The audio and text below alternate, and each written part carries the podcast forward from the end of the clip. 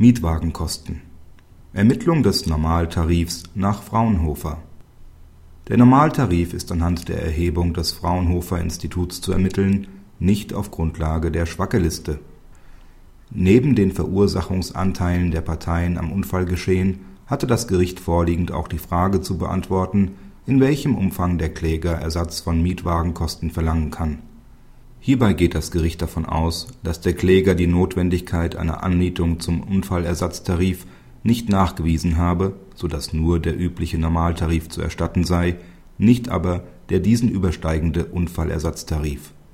Insoweit weist die Entscheidung noch keine Besonderheiten auf. Neue Wege geht das OLG aber bei der Ermittlung des Normaltarifs.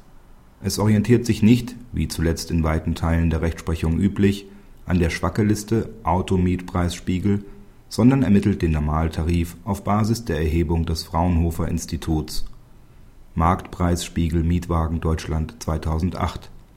Hierbei stellt das OLG insbesondere auf die unterschiedlichen Erhebungsmethoden von Schwacke und Fraunhofer ab.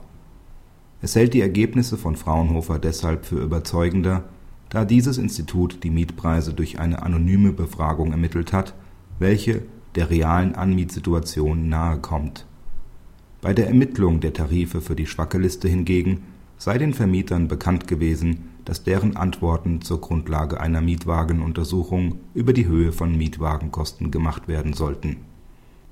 Praxishinweis Die vorliegende Entscheidung könnte erneut Bewegung in das Problemfeld der Ermittlung des Normaltarifs bringen. Die in jüngster Zeit erschienenen Preiserhebungen von Zinn und Fraunhofer liegen teilweise erheblich unter den Mietpreisangaben der Schwacke-Liste es bleibt daher abzuwarten, ob sich diese Erhebungen weiter durchsetzen werden.